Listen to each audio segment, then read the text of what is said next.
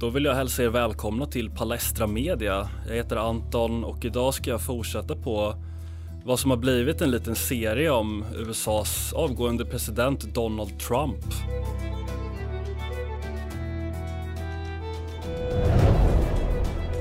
Jag kommer inte prata någonting om Trump som person egentligen utan jag kommer prata om det som kanske blev hans absolut största stordåd faktiskt. Han, han lyckades ju inte bygga muren men han lyckades på något vänster upprätta respekten för fakta och vetenskap. Förmodligen utan att ens tänka på det själv. Jag tror inte jag är den enda som noterat att det stora narrativet som man använde mot Trump och som började där någonstans runt 2016 och kanske än mer under 2017.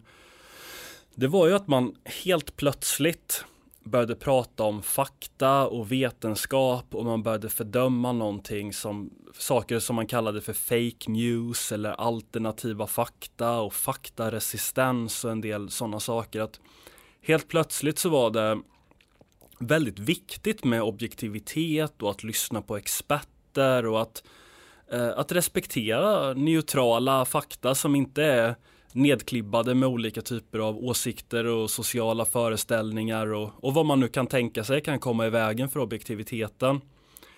Och jag tror inte att jag är den enda som uppriktigt sagt är väldigt, väldigt förvånad över den här utvecklingen.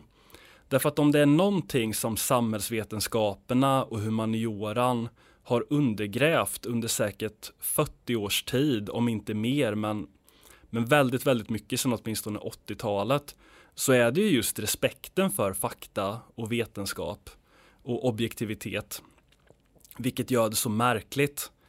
Och det här blev ju en av de stora, stora eh, attack, attackformationerna, eller vad man ska kalla det, mot Donald Trump. Det här att han skulle nästan vara, han skulle inte bara vara en politiker i den meningen att han ljuger och överdriver och uttalar sig om saker han inte vet någonting om. För det har han garanterat gjort. Trump är ju en, han är säkert lite narcissistisk i, eh, i sitt sätt att vara.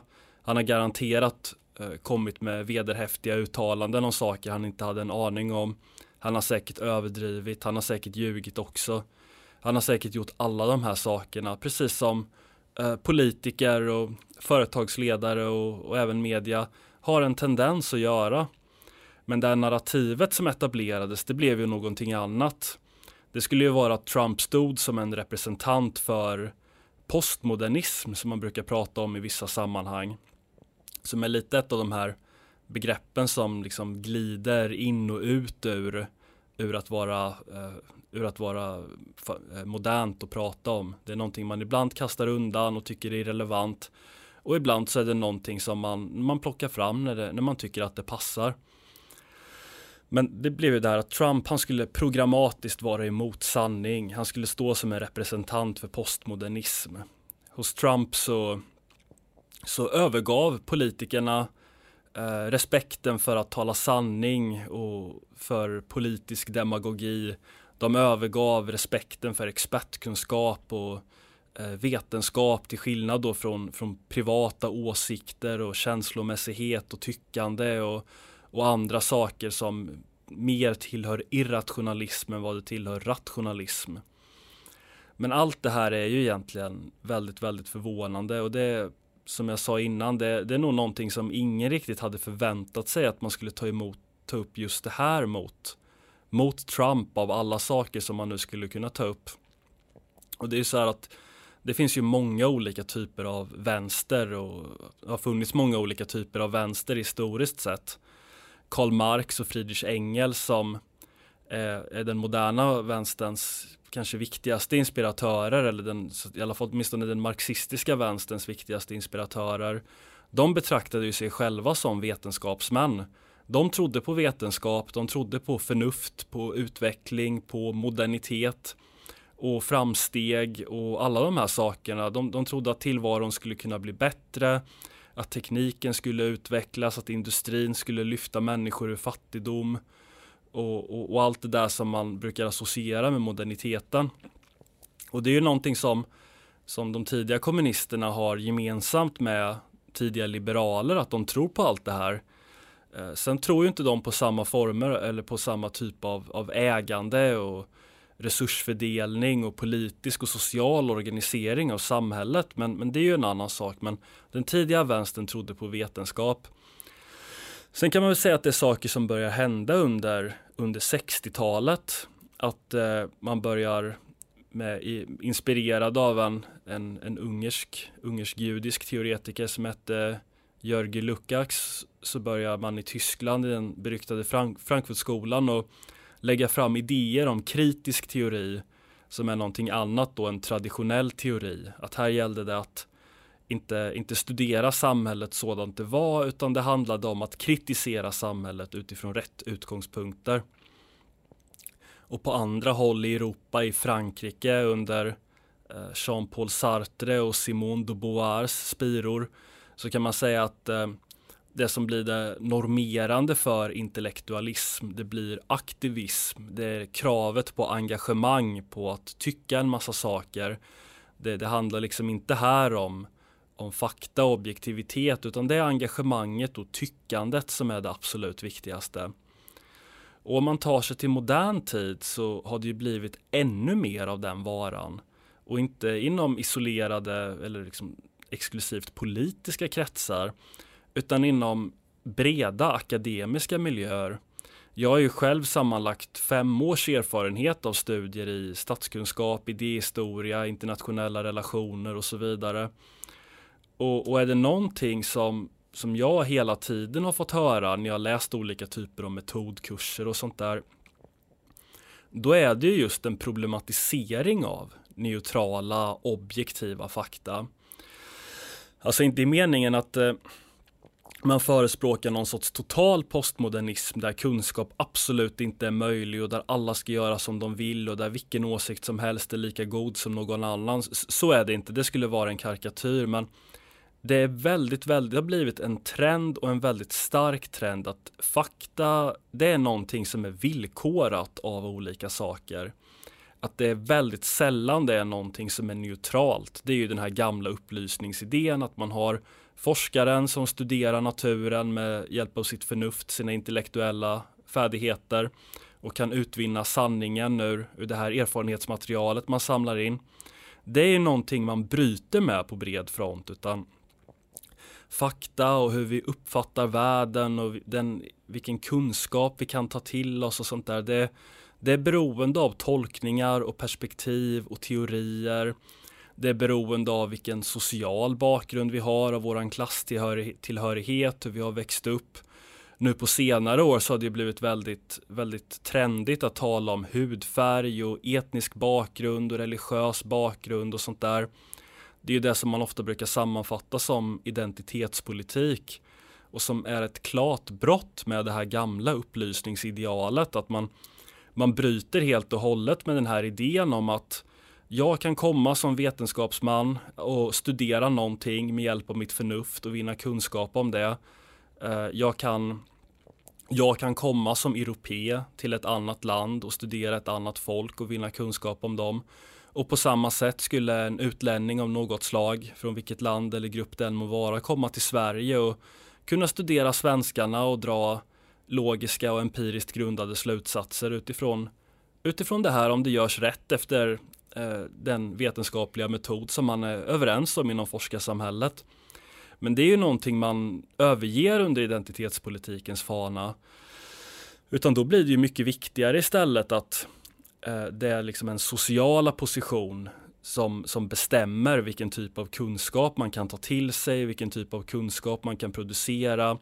Och det är därför vi får sådana här idéer om att en en vit heterosexuell man kan absolut inte uttala sig om hur eh, svarta människor har det inom samma samhälle. En, en heterosexuell kan aldrig uttala sig om homosexuella eh, eller liknande därför att det är inte vårt förnuft riktigt som avgör de här sakerna utan kunskapen är villkorad genom våran sociala position. Och det, det är ju någonting som går emot de här gamla upplysningsidealen väldigt starkt. Det går emot det här som väldigt många människor förmodligen associerar med just att ha en vetenskaplig hållning till saker och ting.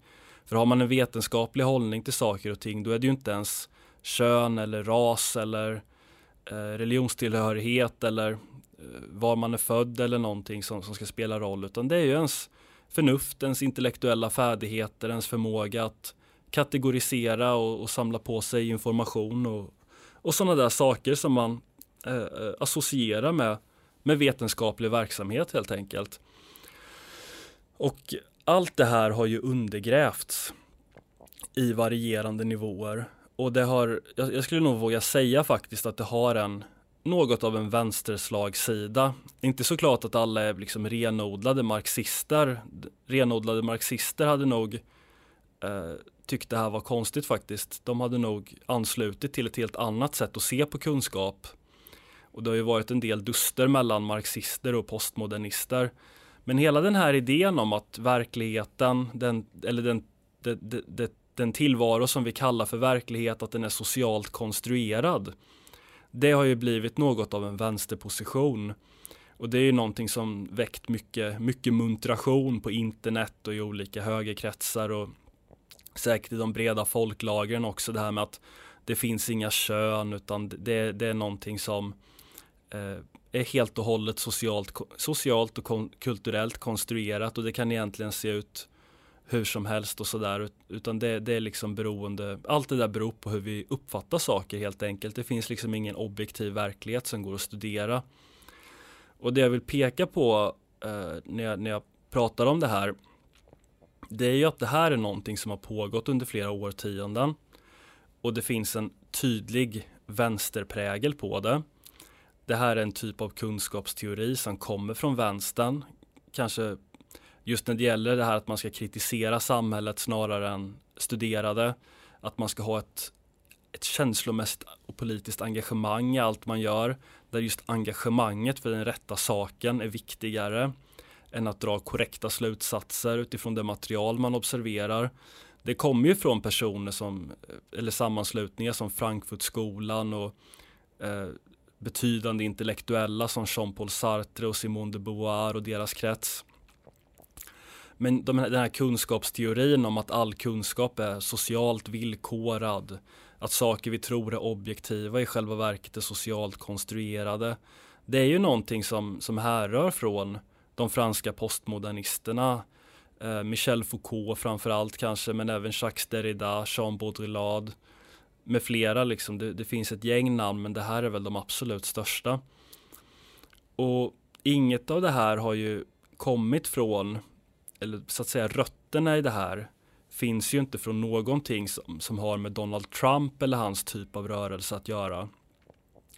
Så därför måste jag ändå säga att det är lite märkligt att man har använt det här som sin absolut största angreppsvinkel mot Trump. Det här att han, eh, att han skulle på något sätt stå för alla de här sakerna som man ju själva varit för. Jag menar det finns ingenting som går att jämföra när det kommer till att undergräva saker som tilltron till vetenskap, en, en och objektiva fakta, än just de här strömningarna som har kommit från vänsterhåll jag menar idéer om att man inte kan studera någonting beroende på att man eh, har, en viss, eh, har en viss social eller etnisk bakgrund. Eller idén om att eh, det inte finns någon objektiv verklighet som går att studera eller att min åsikt är lika bra som din därför att allting är liksom flytande och det finns ändå inte någon riktigt, någon riktigt bra standard. Det kommer ju från den här kunskapsteorin som man har försvarat under flera decennier så därför blir det ju märkligt när man tar upp det här som sin primära angreppsvinkel mot Trump och mot högern som ju egentligen har stått för helt andra värden. Det är ju från högerhåll, både från mer nationell höger och från borgerlig höger som man har försvarat objektiv verklighet som, som koncept. Så den slutsatsen jag drar, det är väl inte att vänstern och de som rör sig i vänsterns närhet har blivit frälsta av vetenskap och objektiva fakta helt plötsligt. Men däremot så insåg man att det fanns en strategisk användning för de här sakerna. Att det finns trots allt få saker som har som bärkraft i vårt samhälle bland de breda folklagren som just tron på vetenskap och teknik, på att livet kan bli bättre, på att saker kan studeras, på att den mänskliga tillvaron kan tas till nya höjder om vi studerade på rätt sätt och sen applicera den kunskapen. Och man lyckades på ett väldigt smidigt sätt ta och rikta det här mot Donald Trump och mot högern och på dem klistra den här postmoderna etiketten som ju kommer från vänsterhåll egentligen. Inte så att det alltid måste vara vänsterhåll, men det är därifrån den kommer. Så det blir en ganska konstig skuldfördelning när man gör på det här sättet. Men man insåg att, eller insåg och insåg, man, man kom väl på i takt med tidens gång att det var väldigt, väldigt behändigt att använda det här som kritisk ingångsvinkel. Därför att på något sätt blev ju det här en opolitisk ingångsvinkel. Att man behövde inte ens kritisera Trumps policies utifrån sina egna, eh, sina egna politiska ståndpunkter. Utan man kunde helt enkelt eh, framea sig själva eller framställa sig själva.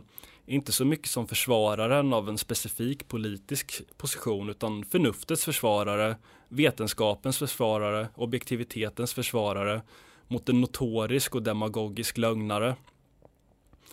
Och jag ställer mig ytterst kritisk till det här för den som har studerat modern historia, den som har erfarenhet av hur, eh, Eh, hur man betraktar kunskapsteori inom, inom den moderna vänstern, hur kunskapsteori lärs ut på universiteten, vilka perspektiv som är i omlopp.